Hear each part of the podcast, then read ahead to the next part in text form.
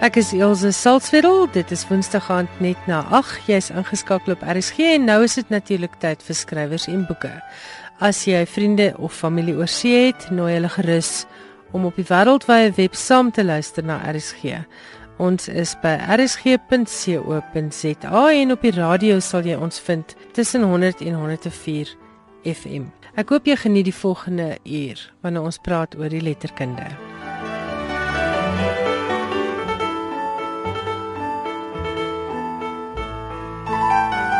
Ek gesels vanaand met Dox Breers. Nou almal in boekringe ken Dox se naam en Dox is hierdie jaar die organiseerder oudergewoonte van die boekprogram by die Vryfees. Dox, baie welkom. Baie lekker om met jou te praat altyd. Waarna kan ons uitsien hierdie jaar by julle boekprogram? Baie dankie vir die welkomwoord. Ek dink ons het 'n baie interessante en uh, diverse boekprogram vanjaar. Ehm uh, daar is natuurlik al die prosa skrywers van formaat van bekendheid en ook nuus soos Dominique Botha wat ek dink vanjaar se ster in die prosa omgewing is. Uh ons het nie fiksieboeke wat ook tot almal sal spreek en nou natuurlik die een van die gewildste genres as mens dit so kan noem dink ek in die verkoopomgewing is resepteboeke en ons het vanjaar 3 mense se boeke onder andere Marita van der Vyver wat spesiaal uit Frankryk hier is met winterskos uit Provence. Ons het vir Rihanna Skeepers met haar resepteboek en dan het ons 'n nuwe stem van wat ook in tuis sy rubriek gewoonlik agterblad het en sy resepteboek is ook op die op die menu op die spyskaart. Gaan daar uh kosdemonstrasies wees wat saam met daai resepteboeke gaan? Ja, ehm um, Marita en haar man Alain uh demonstreer resepte uit uit hierdie boek van uh winterskos uit Provence en daar sal 'n heerlike tafel gedek wees en belangstellendes gaan om die tafel sit en dan uiteindelik na die demonstrasie gaan hulle van die spesifieke uh dis wat daar voorberei is sal hulle daarvan kan eet. En dan die fiksieprogram, wie's almal daar op behalwe Dominique en ek stem saam met jou, sy was ek dink die verrassing van die jaar en sy het definitief die letterkundige waters geroer met Valsrivier. Ja, weet jy, en vir my is dit baie lekker want sy kom hier van naby my tuisdorp af. Ons het weer soos gewoonlik, wil ek amper sê, van die van die meer bekende en gewildste prosa skrywers op ons program. Daar is Hans Du Plessis wat lanklaas in Bloemfontein was en hy gesels oor as die wind kom draai en dan Wilma Adriansen wat geen bekendstelling nodig het nie met dubbelspel. Irma Joubert se Tobos, Helena Hugo se Terwille van Talita.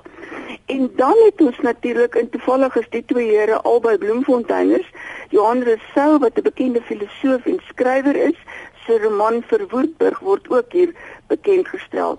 En ek dink Verwoedburg is 'n baie interessante boek omdat dit praat wat ons dink ek almal ken as die verlore geslag, die mense wat hier in die 80's groot geword het en wat waarvan die die seuns of die manne grens toe is om te veg. Dit bespreek daardie hele ehm um, ervaring van van daardie geslag. En Johan Nel se debuutroman Sondag op 'n voelplaas word ook bekend gestel en dan Simon Bruinder se Die Sideboard. En hierso is 'n stukkie geskiedenis wat in hierdie roman vasgevat is. Ek gaan dit nou nie uitlaat nie, maar dit was vir my openbaar 'n geweldige interessante boek. Simon is 'n bekende uh akteur en hy gaan ook uit hierdie boek voordra. En nie fiksie, is daar iets vir nie fiksie aanhangers? Ja, as ons begin by by sensasie dan is Jarnay Kemp se Griekwastad moord op Griekwastad natuurlik eerste op ons lys. En Jarnay is 'n uh, Volksblad joernalis, is ek reg? Reg, ja. ja. En sy was skynbaar die eerste joernalis wat op die moordtoneel waar die uh Dion en Christel en Martella uh hulle lewens verloor het wat daarop afgekom het. En sy vertel die storie op 'n op 'n baie sal mens nou sê beheerste manier, maar dit is baie interessant. En dan natuurlik die stukkie sosiale geskiedenis van Lindy Coates. Uh sy is ek was stom geslaan toe ek haar die eerste keer ontmoet het. Sy's 'n baie dinamiese jong historikus en sy sy het 'n fantastiese biografie oor D.F. Malan en die opkoms van die Afrikaner nasionalisme geskryf. Dis nie net 'n droë stuk geskiedenis nie, dit is regtig 'n boek wat van geskiedenis 'n storie maak. Enige ou kan dit lees. En dan uh Niels Jackson op soek na Jesus is een van die ander nie fiksie geskrifte en dan op 'n heeltemal 'n ander noot is daar Martie Maree wat skryf oor wat alles uh, in 'n gesig gelees kan word in die vorm van 'n gesig, die legkaart van jou gesig. En uh dit as jy daai boek gelees het, sal jy vir die res van jou lewe weet as jy iemand nie ontmoet of wat hy is. En dan natuurlik George Claassen en George is 'n is 'n ou wat wat regtig uh face wat soms nou sê direk met die face inklim onder mense wat na sy mening uh mense uh uh mislei mislei met met te sê as jy hierdie ge middel gebruik gaan jy binne die volgende 5 dae 700 kg verloor en die soort van dinge mense wat praat oor uh waar jy lyke en mense wat reeds wat nou soort van se lyke nog gesoek word waar jy dit kan opspoor met instrumente al die soort van goed en dit is verskriklik interessant. 'n Mens wil partykeer guggel maar ander keer dink ek dan raak 'n mens bewus daarvan tot hoe mate 'n die mensdom eintlik mislei word met medisyne. Wat is die boek se naam, Docs? Quinte Quale en Quakke. Ja, dis reg. En dan enkelwys is geskryf deur Zarin Rood ook 'n bekende inwoner van Bloemfontein. En sy gaan hier op 'n reis wat sy so 'n soort van haar eie binnewêreld wil leer ken en sy gebruik veral labirinte uh, in Engeland en Griekeland en Marietta Kreer saam met haar praat oor haar ervarings in hierdie ontdekkingstog. En ek wil net sê die heel dis nou nie die laaste op die program moontlik nie, maar dis een van die belangrikste aspekte daarvan en dit is dat ons vanjaar weer twee van van Afrikaans se grootste digters op ons program het naamlik Joan Hambidge en dan Dani Maree. Joan se boek Meditasies word bekend gestel en dan het ons Vrydag aand 'n uh, uh, aanbieding wat ons noem Fees van Digters waar Joan en Dani dan met Henny van Koller gesels en Dani se nuutste boek dan ook oor gepraat sal word solank verlange die sweep swaai.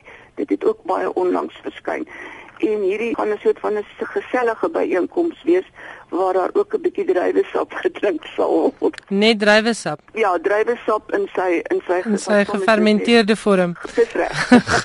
nee, daar sal 'n glasie wyn by bedien word.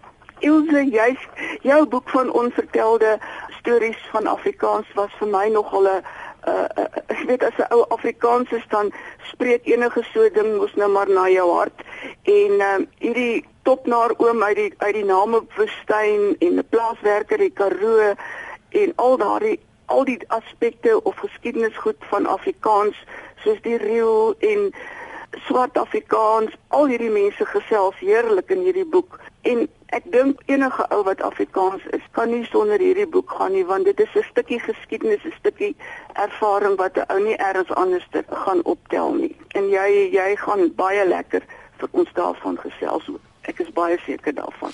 Dankie, ek gaan probeer. Ja, die oom van die Namepoestein sal my tot my sterfdag bybly want hy is tevrede met so ongelooflik min. Dit was nogal 'n uh, emosionele ervaring. Ek kan oh. agterkom dat daar baie van hierdie gesprekke wat jy gevoer het vir jou regtig gebied baie na in die hart en emosioneel geleer. Ja, ja.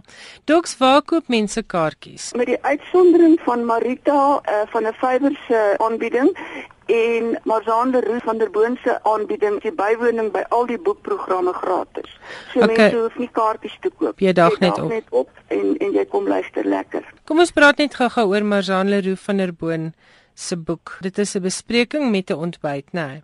Dis reg, ja, ja. En wat is die boek wat hierdie jaar bespreek word? Dit is haar nuutste. Dit is haar nuutste, dit is Hakotel, die muur. Jaco de Wet gaan met haar gesels. Dit is nou min of meer as ek reg onthou, is dit nou haar 8ste uh, Israeli boek. Sy het 'n geweldige uh groot ondersteuningsgroep wat wat hierdie spesifieke reeks volg en vir hulle wil ek net sê hier's alweer vir julle 'n reg Israeliese ontbyt ook by die ervaring. Dis wonderlik. Dis baie lekker. En dan ek dink ons moet ook nie vergeet van Rihanna uh, Skeepers se kookboek wat ook oor gepraat gaan word nie. En dan het Rihanna ook uh, saam met Letty Klein het sy spoorvat jeugherinneringe van Afrikaanse skrywers byeengebring. Sy gesels dan nou ook oor hierdie boek saam met Irma Joubert en Jaco Jacobs en Fanny Viljoen wat ook hulle bydraes tot hierdie versameling uh, gelewer het. En haar resepteboek is Vallei van Melk en Heuning en dit is 'n absolute unieke boek. Dit is 'n baie lieflike boek. Dit is een van die mooistes wat vir die jaar in Afrikaans verskyn het. Ek stem met jou volkome saam. Dis regtig 'n besonderse boek. En waar word al hierdie boekfunksies gehou? Dis by die Merwe skoolsaal op kampus van die universiteit. Uh dis die diakonaal lokaal. Dit klink 'n vreeslike plek, maar dis 'n doodgewone 'n lokaal een by die skoolsaal op die UV kampus. En die program is op Vryfees se webwerf. Vryfees ja. Doks, baie dankie. Ons sien julle dan by die Vryfees en dit is net weer van die 15de tot die 19de Julie, is ek reg? Dis reg, ja. Dit was dan Dox Breers, die organiseerder van die boekeprogram van vanjaar se Vryfees wat van 15 tot 19 Julie in Bloemfontein aangebied word. En aangesien al die boekgesprekke gratis is, hoop ek dat ek heelwat RSG luisteraars daar sal raakloop. Ek sal met Martie Marie gesels oor haar boek oor die fisionomie oor die gelaatstrekke. Die boek se naam is natuurlik Die legkaart van jou gesig en ek praat met Dominique Botha oor Valsrivier en met Irma Joubert oor haar roman Tolbos. Dis dan alles by vanjaar se Vryfees. As jy nou pas ingeskakel het, jy luister na skrywers en boeke hier op RSG 100 tot 104 FM. En my naam is Elsje Salzwetel.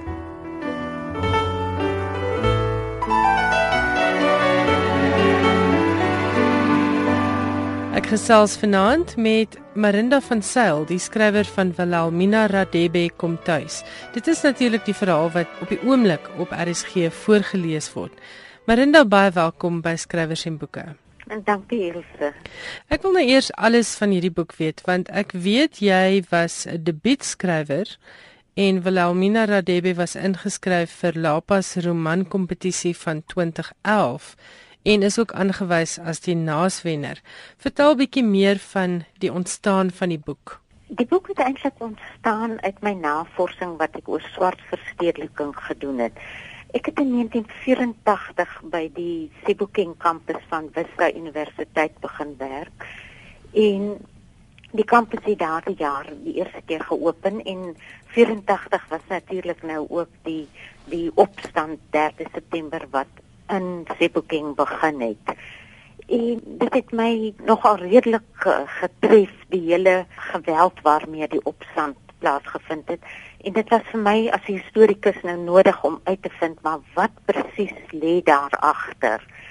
En uh, toe het ek vir my navorsing vir my PhD in geskiedenis het ek uh, swart verstedeliking in vereniging spesifiek navorsing gedoen. Vereniging het 'n baie goeie munisipale argief. Ek skat so 3000 dokumente het ek daardeur gewerk en onder die dokumente was byvoorbeeld uh, petisies deur die inwoners, daar was briefies wat hulle nou oor sekere goed gekla het of dankie gesê het en so aan. En nadat ek toe nou my uh, teses klaar geskryf het, het ek net gevoel die akademiese werk gee nie eintlik weer wat 'n mens voel wanneer jy daai navorsing doen nie. En dis toe wat ek besluit het ek gaan eendag 'n roman daaroor skryf. Met ander woorde die menslikheid van die, die menslike want kyk die mens gaan heeltemal verlore wanneer jy akademiese geskiedenis skryf. En dit is juis wat my getref het. En ook uh, jy weet uh, met ons geskiedenisopleiding en die geskiedenis wat ons op skool geleer het, het mense baie eensidedige idee van ons geskiedenis. En daar het ek nog eh, 'n uh, ander insig gekry van hoe die ander mense wat aan 'n ontvangkant van die geskiedenis was, dit beleef het. En om dit oor te dra, moes ek 'n karakter skep waarmee my leser sou identifiseer. En dit is dan nou hoe Wilhelmina ontstaan het. Nou jy's 'n akademikus en ek aanvaar jy het 'n klomp akademiese skryfwerk gedoen. Verskil dit verskriklik baie van romanskryf? Was dit vir jou moeilik?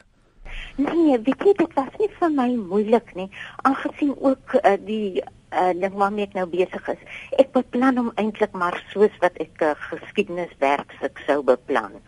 Jy weet, ek maak 'n skema, ek besluit wat wil ek insluit in die ding en dan skep ek of soek ek karakters wat die verskillende tonele dan nou vir my kan speel of kan uitleef of so aan. So skryf is vir my maklik, dink ek. Maar ek het geweldig gesukkel, dit moet ek nou erken om die manuskrip gepubliseer te kry. Vertel 'n bietjie meer, hoekom hoekom dink jy was dit die geval? Kyk, die heel eerste uitgewer nadat ek hom geskryf, nou uh, my eerste poging, die heel eerste uitgewer het baie positief gereageer maar teruggestuur of gesê maar dit moet herskryf word. Ek moet Poppy Nongena vat. Ek moet kyk hoe Poppy gedoen en dan moet ek dit in eerste persoon en elke karakter in my boek moet sy eie storie vertel. Nou dit was uit my oogpunt uit onmoontlik om te doen.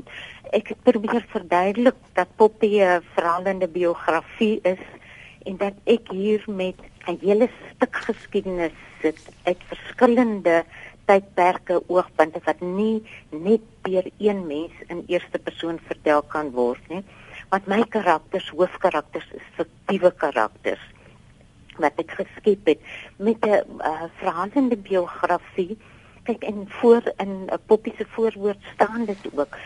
Alles wat daar staan het met poppie gebeur Ja. In in my geval het ek jy's hierdie karakter Wilhelmina geskep omdat ek ek was daar tydens die onluste. Ek het die navorsing gedoen, maar al daai ek het niks daarvan beleef nie. So dit sou 'n absolute gevaarlike situasie uit my oogpunt geskep het om Wilhelmina in eerste persoon te laat goed beleef wat sy nie kon nie. Ek het haar juis oud gemaak om hierdie ek het baie stories, ek het goeie kontak met die studente gehad. So baie stories het na my toe gekom. Maar dis gefilterde belewing. So ek kon dit nie so doen nie. Nou die gevolg, ek het ek het dit probeer verduidelik, maar die gevolg daarvan was die manuskrip is teruggestuur. Maar nou moet ek sê, sy het vir my toe die twee uh, keer verslae saamgestuur.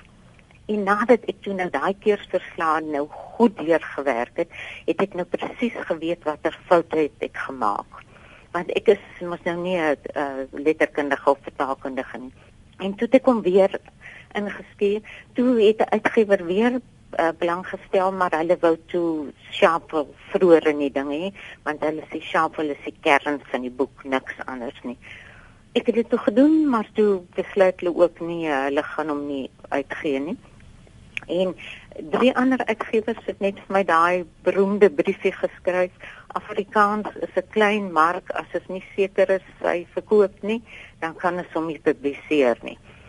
En toe, dit was seker nou omtrent so 3 jaar later, toe sien ek van die kompetisie van Lapa en ek het hom toe basies amper soos ek hom vir die laaste uitgewer ingestuur het, het ek hom net so vir Lapa gestuur. En nou okay, toe omdat dit 'n uh, anonieme beoordeling was, dink ek as hy 'n slag gelees en dit is hoe ek toe nou die naswenner was.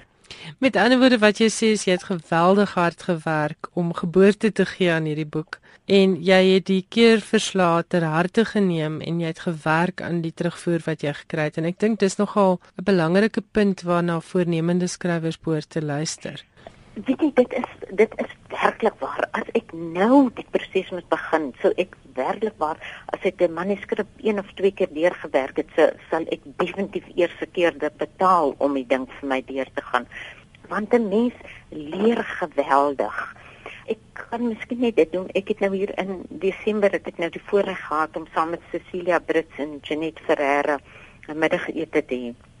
En net met deur met hulle te gesels en ook met Janet oor haar werk en so, het ek klaar weer so baie geleer dat ek daar net dadelik besluit het dat my manuskrip wat ek toe mee besig was, sal maar net weer van voor af begin moet word, want daar's te veel as mens nie die opleiding het nie, is daar te veel goed wat jy nie weet nie. Jy skryf net nou maar soos jy dink en soos jy voel, maar daar is tog sekere kom ons sê reëls en regulasies waaraan jy moet voldoen om dit regtig 'n roman te maak. En dit het ek op die harde manier geleer. As jy nou moet skat, hoe lank het jy altesaam aan hierdie boek gewerk? Man ten minste 7 jaar. Sjoe. Okay. Dit klink soos 'n Bybelse getal. Dit klink soos Jakob en en Rachel en so wie is jou gunsteling karakter in Wilhelmina Radebe? Is dit Wilhelmina? Dit is seker maar Wilhelmina want jy weet sy het so deel van my geword en uh, Wilhelmina is ook baie op twee persone wat ek baie goed geken het.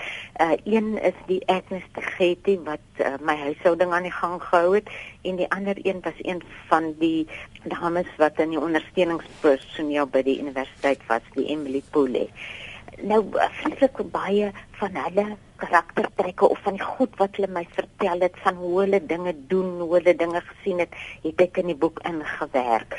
So dit is hoekom ek eintlik vir Wilhelmina uh, redelik deel van myself geword het en hoe ek sekere dinge ervaar het. So sy is definitief die karakter wat die hele storie eintlik dra. Was dit vir jou moeilik om haar stem te vind? Want dit is 'n ander kultuurgroep dit is nie 'n Afrikaanse vrou van jou uh sosiale stand nie. Was dit vir jou moeilik om Wilhelmina te kon skryf as 'n regte egte mens? Nee weet jy daarom omdat ek sê omdat uh veral uh soos die Agnes byvoorbeeld wat nou 'n uh, redelike lang tyd by my gewerk het sy het van Kroonstad af gekom en so sy was baie Afrikaans. Byvoorbeeld sy het altyd as daar nou kragonderbrekings in Sebokeng was van Belse my vra ek moet tog net op nie snorkie opneem. en as as sy nou die volgende dag inkom as ek nog daar is, eerste ding wat sy doen, sit die video in die speler en, ter, en dan lag sy en, en so. En ek vra eendag nou, ek sê hoe is dit dan dat jy daarvan so baie hou? Sê sy vir my, "Maar mevrou, dis mos my mense die." So, met ander woorde, ek het eintlik geleer, ons is almal mense. Ons ervaar eintlik maar pyn op dieselfde manier, ons ervaar vreugde op dieselfde manier. So omdat ek, ek weet ek was op die, ek het 11 jaar by Vista klas gegee. Ek het heelwat uit my pad uit gegaan om sosiaal te meng met die mense. En ek het baie onderhoude self gedoen toe ek my navorsing gedoen het. Eh, so ek het ek het op verskillende vlakke met verskillende mense in Engels en Afrikaans gekommunikeer. En die gevoel of my geloof is maar ons is net almal mense in dieselfde situasies gaan jy eintlik maar op dieselfde manier optree. Baie van die elemente wat ek byvoorbeeld ingebou het in die verhaal is nou goed waarmee ek self te doen gehad het. Die portrette byvoorbeeld wat in Wilhelmina se huis is. Ek het 'n onderhoud met een van die dames wat in die PAC se uh, hoofkomitee was. Toe nou al ook al 'n redelike ouer gedaan. In haar huis het sy so twee sulke portrette gehad. Een van haar pa wat 'n administrasielid was en dan van haar pa en ma ook saam met die raam soos ek hom daar beskryf. En dit het my bygebly. En ook Agnes ehm uh, wat van Kroonstad af die rose saamgebring het. In haar tuintjie het sy die drie rose gehad met so 'n possie lappie grasperke en so aan. So ek was redelik bekend met die omgewing, met die mense se manier van doen en al die goed en uh, dit het my baie gehelp om terug te dink om te weet ek was daar ek het van die goed gesien alhoewel ek dit nie beleef het nie altyd die gevolge gesien en dit is wat ek in my boek ook probeer doen het daardie kausaliteit en geskiedenis uit te bring die samehang tussen oorsaak en gevolg en hoe hierdie dinge hoe het September 1984 gebeur? Hoekom het dit gebeur? En wat bring 'n mens by daardie punt waar jy begin vernietig om iets te kry? So, en dis baie tydig dat die boek nou voorgeles word 30 jaar later want ons is eintlik weer by 'n punt waar mense bereid is om te vernietig net om 'n boodskap oor dienslewering oor te dra. Ja, kyk en dit is uh, iets wat ek in my boek ook probeer uitbring het. Uh, dit is hoekom ek die dominee spel as een van die temas gekies het. want uh, eers het die wit kolletjies reëls gemaak en almal moes daarbey inval. Toe verander hulle die reëls van die spel en die dominees blokkies begin val en dit word 'n dominee slang. En Wilhelmina sê op 'n stadium vir die pastoor dat julle gebruik nou die kinders, dit gaan nie ophou nie. Elke keer as hulle nou nie hulle sin kry nie, gaan hulle dit doen. En dit is nou retrospesifiek ek dit nou gesê en dit is presies wat nou aan die gebeur is ook want hulle het is geleer dat dit is die manier enigste manier waarop jy reaksie kry. En ek is nou ongelukkig of gelukkig nie 'n politikus wat daai probleem moet oplos nie. Maar met ander woorde, dit is 'n probleem wat self geskep is. Dit is 'n probleem wat self geskep is, maar dit is deel van die eintlik normale verloop van die geskiedenis. Ja, ja. Nou werk jy op die oomblik aan iets? Ek het 'n roman gedoen, ehm um, of dis nog 'n manuskrip ja oor die Dorsland trek. Dit is 'n geskiedenis wat my baie interesseer omdat my skoonfamilie, my ma, uh, my man se maale was ook um, Agola mense en uh, daarom het wou ek nog altyd iets oor die Dorsland trek skryf. So ek het, het iets klaar gemaak maar nog nie heeltemal tevrede daarmee nie. So ek sal hom nou seker een of ander tyd kyk of ek hom gepubliseer kry en hoop dit gaan makliker hierdie keer. Marinda, mag ek vra hoe oud was jy toe hierdie boek gepubliseer is? Uh kyk, ek is nou 66, so ek was seker so 63. Nou was skryf, romans skryf, was dit altyd deel van jou drome? Kyk, ek het altyd selfs as kind het ek goedjies geskryf en so aan. En ek het 'n uh, eh, ander roman ook al geskryf hier in uh, die 90s, vroeë 90s. Maar ook nou weet ek hoekom. Ek het hom ingestuur en het hom net teruggestuur en gesê eh, stel nie belang nie ook maar daai ou briefie. En toe het ek dit gelos want kyk ek het gewerk en uh, baie verpligtinge gehad. Terwyl ek nog gewerk het, het ek ook uh, en novelle. Ek het maar so kort verhale en sulke goed geskryf. En uh, een van die novelles wat ek vir die Sari geskryf het, is in 'n uh, bundel opgeneem. Dit is nou hier 1991 rond. So ek het maar altyd so, maar ek het nooit so ver gekom om gats te probeer publiseer nie. Nou ernstig te publiseer nie. Totdat ek nou gevoel het ek wil hierdie swart versedeliking in 'n roman verwerk uh sodat mense dit bietjie meer emosioneel kan beleef en uh, en meer menslik, né? Meer menslik te maak. Die feite, die harde feite van die geskiedenis. Nou sê vir my, is dit lekker om te hoor jou boek word op die radio voorgeles? Maar dit is baie lekker, want uh, weet jy my hele idee met die skryf van die boek is dat ek tog net soveel as moontlik mense wil laat ervaar hoe is die ander kant van die draad en hoe mense dit ervaar het die wette wat deur ons gemaak is hoe dit hulle persoonlike lewens so geweldig beïnvloed het.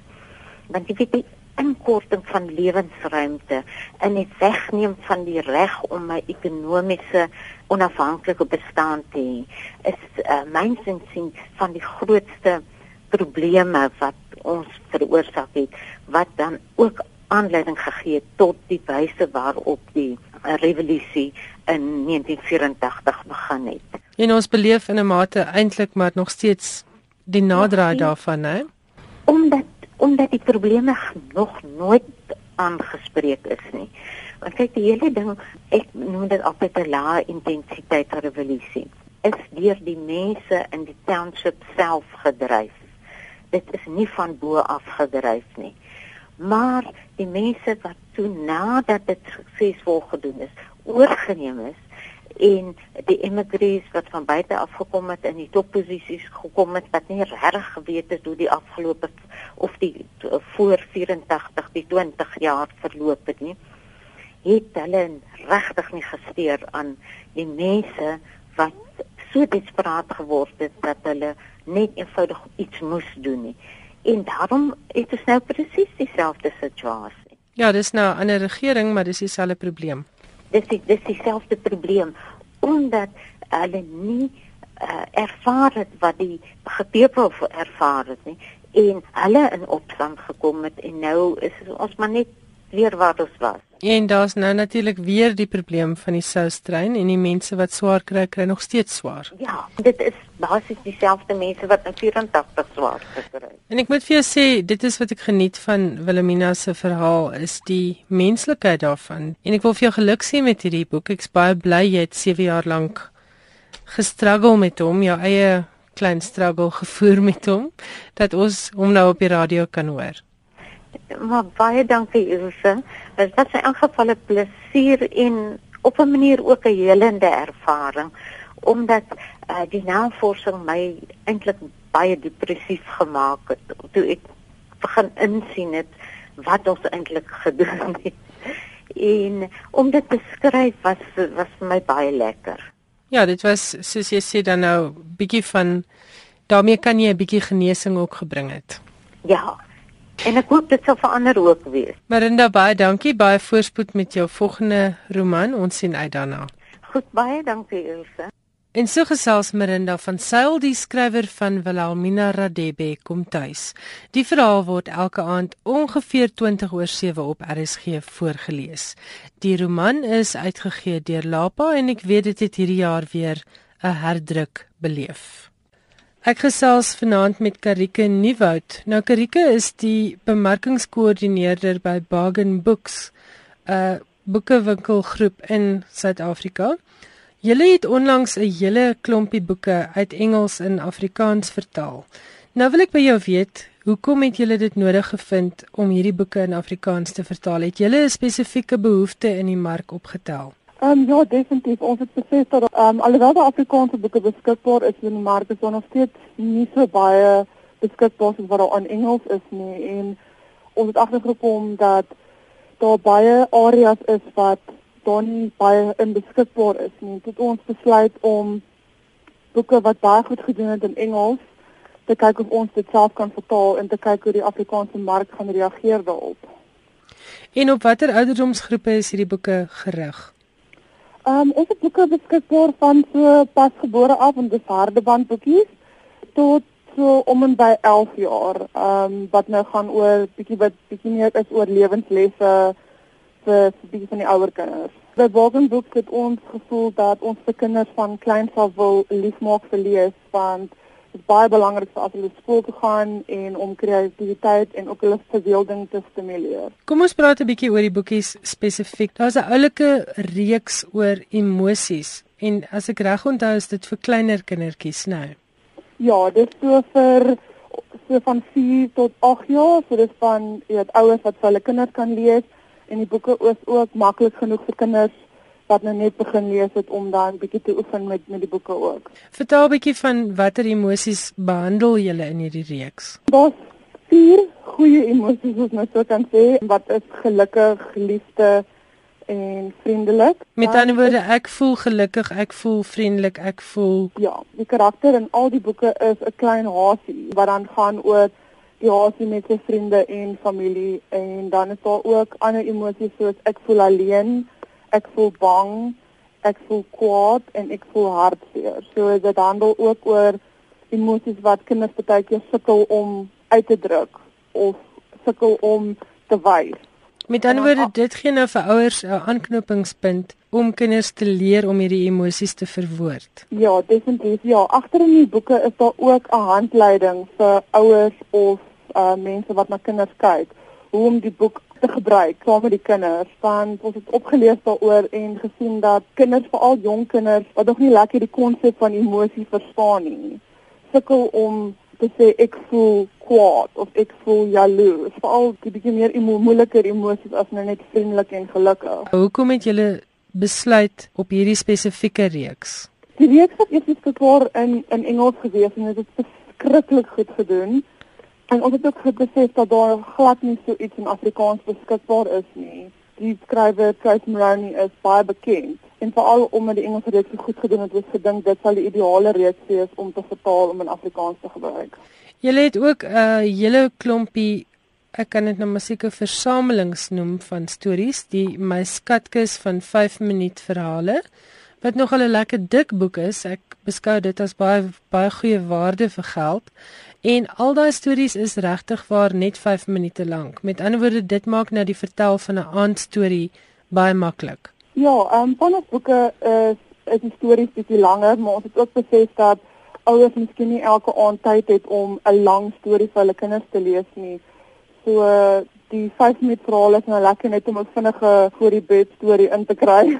Die interaksie tussen ouer en kind wat begin by leeswerk. Beskou julle dit as baie belangrik want ek dink 'n kind leer aan moedersknie of by 'n pa om 'n leser te word. Was dit deel van die logika agter die vertaling van hierdie reeks? Dit is iets wat ons ook aan gedink het en dit veral met die jonger boeke ons glo in dat dit is 'n lekker manier vir ouers en en kinders om tyd saam te spandeer en om miskien onderwerpe oor te praat. Ja, veral met die emosieboeke om om punte te gee waaroor hulle kan praat en stories en om te praat oor verbeelding en om vrae te vra en ons het harde bandboekies wat my 101 eerste woorde is om jy weet jy kan dit baie interaktief maak met jou kind. So dit is baie gestel op kwaliteit tyd saam met ouer en kind. En dan het julle in 100 gunsteling stories neem ek aan julle 'n hele paar van die ou bekendes. Ja, nee, van hulle is definitief al die ou gunstelinge, maar daar's ook 'n paar wat wat nie so bekend is nie wat nou lekker is om nou nie die hele tyd dieselfde goed oor en oor te lees nie. Daar was 'n boekie wat my vreeslik opgeval het. My kinders is nou al te groot daarvoor, maar ek het gedink Die vergeet my nie feetjie is 'n vreeslike oulike boek. Vir watter ouderdomsgroep is dit en waaroor gaan dit? Dit is vir ouderdom 5 tot 9 wees. Die stories is van hulle is bietjie langer maar dit sal ideaal wees vir 'n kind wat se ouers vir hulle lees of dan nou nou 'n bietjie meer sterker is in hulle eie leesvaardigheid. Net 'n klomp lekker stories oor oor fietjies en ja, net 'n lekker lekker dogtertjie boek. En my ouma en oupa is spesiaal.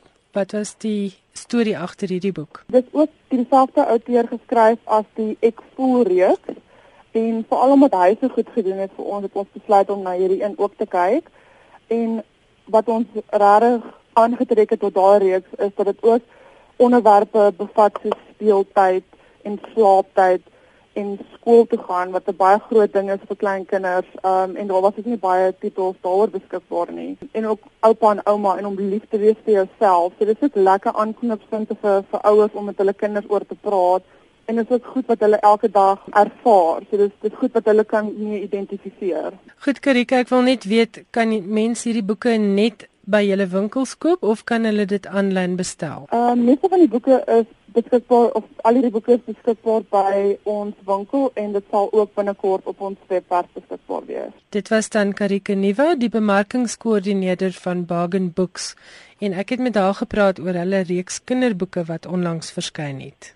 Nou is dit tyd vir Johan Meiburg. Ek het hom gevra om van dese week vir ons iets saam te stel oor Ellen Kuzwayo, een van ons land se bekendste vroue skrywers.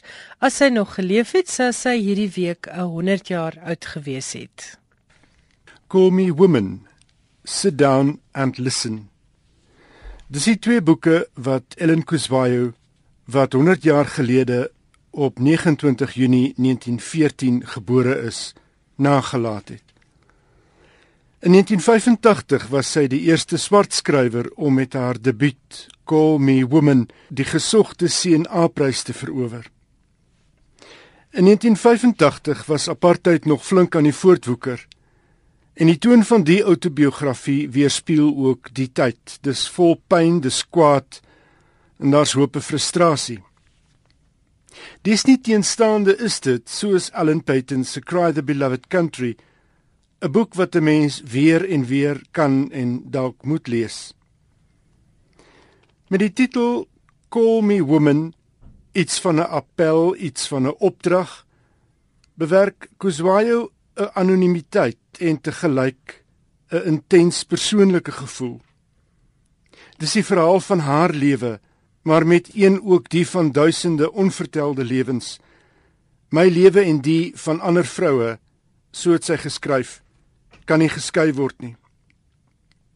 Nadine Gordimer het hieroor gesê Kuswayo het met haar benadering tot outobiografie die westerse siening van die vrou geafrikaniseer. Kuswayo se lewe was stormagtig. Noseng Ellen Serasengwe kom uit 'n familie vir wie politiek 'n manier van lewe was. Haar oupa, Jeremiah Makgoti, het in 1875 aan Lovedale in die Oos-Kaap gestudeer en onderwyser geword. Maar hy was ook weier betrokke as net by onderwys. Hy was 'n leuke prediker. Het vir Robert Moffat bygestaan met die vertaling van die Bybel in Setswana en was ook die sekretaris van die Vrystaat tak van die South African Native National Congress. Haar pa, Philip Merafe, was 'n lid van die beweging se opvolger, die ANC. Haar ouers is geskei toe sy 2 was en sy het by haar ouma en oupa groot geword. Sy het begin skool gaan in 'n skool wat haar oupa op die plaas naby Tweespruit gebou het. In 1937 het sy haar onderwyskwalifikasie aan die Adams College in Amanzimtoti behaal en daarna 'n graad aan die Lovedale College. Sy het later die familieplaas die van haar oupa geërf, 'n plaas van sowat 6000 akker. Maar sy het dit verloor in die 1970s toe die gebied geresoneer is vir wit eienaars. Sy is getroud en het twee kinders in die lewe gebring. Sy skryf in Call Me Woman oor haar stormagtige huwelik dat haar man Ernest Molotto haar geslaan het en dat sy die kinders moes agterlaat toe sy van hom gevlug het omdat sy in die oë van die wet en haar tradisie net 'n vrou dieselfde as 'n minderjarige was. Dwars deur haar lewe het Kuswayo haar verset teen die tweede klas plek wat swart vroue onder apartheid moes inneem. Toe sy aansoek moes doen vir haar eerste paspoort, was sy verplig om die toestemming van haar oudste seun te kry, wat toe nog minderjarig was. In 1947 is sy van Moloto geskei. Dis hierdie tyd toe sy alleen, verneder en ver van haar twee seuns was, wat die kern vorm van haar outobiografie. Maar dis ook die tyd dat sy haar bekwaamheid as maatskaplike werker en betrokke geraak het by jeugklubs toe sy stigterslid geword het van die stedelike stigting en 'n konsultant vir selfhelpgroepe vir vroue in Soweto. Sy is later weer getroud. Sy en Godfrey Kuswayo het een seun gehad, Godfrey. Na die Soweto opstand van 1976 het Kuswayo op die komitee van 10 gedien wat Soweto nie amptelik bestuur het terwyl inwoners geweier het om huur te betaal aan die stedelike Bantu Raad. As gevolg hiervan is sy in 1977 5 maande lank aangehou. In 1990 het sy 'n versameling kortverhale uitgegee onder die titel Sit Down and Listen: Stories from South Africa. In die verhale neem sy die rol van 'n storieverteller wat die kultuurerfenis van Afrika lewend wil hou. Sy skryf things happen people tell stories about them but in the black communities of South Africa perhaps we remember our stories for a little longer than other people do after all for so many years now we have owned our stories while owning so little else Die Universiteit van die Witwatersrand, haar alma mater waar sy haar vroeër as maatskaplike werker bekwam het, het in 1987 'n eredoktorsgraad in haar toegeken vir haar bydrae tot die letterkunde. Daarna het sy ook eredoktorsgrade ontvang van die Universiteit van Natal en die Nelson Mandela Metropolitaanse Universiteit in Port Elizabeth. Wat nie alom bekend is nie, is dat Kuswayo ook by rolprente betrokke was. Haar rolprent Chaimelo, A Place of Goodness van 1984 is 'n dokumentering van die onteiening van haar familie se grond in die Vrystaat. Maar haar band met rolprente het reeds in 1951 begin. Toe sy na haar egskeiding 'n klein rol gehad het in Cry the Beloved Country met Sidney Poitier in die hoofrol. Sy het die rol vertolk van 'n Shebeen Queen in Soweto. In 94 is Kuswayo op 79 jarige ouderdom tot die parlement verkies. Sy was tot 1999 lid van die parlement en het op verskeie komitees gedien onder meer die vir welsyn en die vir rekonstruksie en ontwikkeling. Ellen Kuswayo is in 2006 dood aan komplikasies teweeggebring deur kroniese diabetes waarmee sy baie jare gesukkel het. Na haar dood in 'n huldeblyk skryf die Britse dagblad The Independent Ellen Kuswayo was 'n waardige skakel tussen die ou en die nuwe Suid-Afrika. Sy het nie politiek of stryd ingespan om demokrasie teweeggebring nie. Haar bydrae was die opheffing van Afrika vroue. Ja, en Meiberg, baie dankie, soos altyd baie interessant. Nou ja, daarmee het ons aan die einde gekom van Finansie Skrywers en Boeke. Baie dankie dat jy saamgeluister het, dat jy ingeskakel was op RSG. Volgende week maak ons weer so en dan gesels Suzette Kotse Meiberg met Wilna Adrianse oor haar jongste roman Dubbelspel. As jy dalk weer na Finansie program wil luister, gaan na ons webwerf by www.rsg.co.za www.rsg.co.za en klik op potgoeie. As jy 'n SMS wil stuur, die nommer is 3343 en elke SMS kos R1.50. Ons e-posadres is skrywersenboeke@rsg.co.za. Nou ja, ek groet dan. Ek is Elsje Salzveld tot volgende Woensdag aand tussen 8 en 9. Dan gesels ons weer oor boeke en skrywers en allerlei dinge in die letterkundige wêreld. En tot dan wens ek vir jou hoop boeke 'n warm bed om in te slaap en genoeg mooi dinge om hierdie week 'n wonderlike een te maak. Ek hoop jy geniet die res van die aand in RSG se geselskap.